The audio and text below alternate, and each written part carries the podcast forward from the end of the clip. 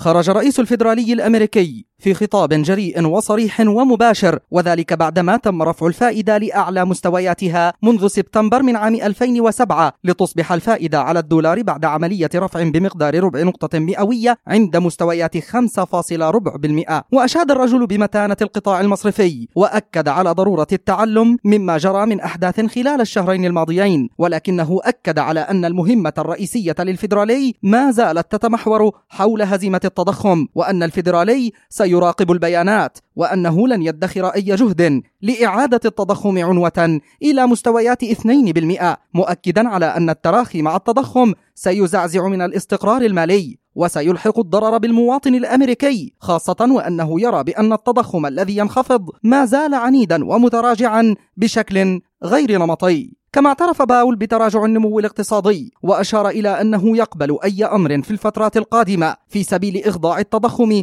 وهزيمته. أما عن مسألة التخلف الأمريكي عن سداد الديون فقد أجاب بطريقة غير مباشرة بأن هذه مسألة سيتم معالجتها بشكل متوازن مع السياسة النقدية التي تهدف وما زالت تهدف إلى محاربة التضخم العنيد. مجد النوري لشبكة أجيال الإذاعية.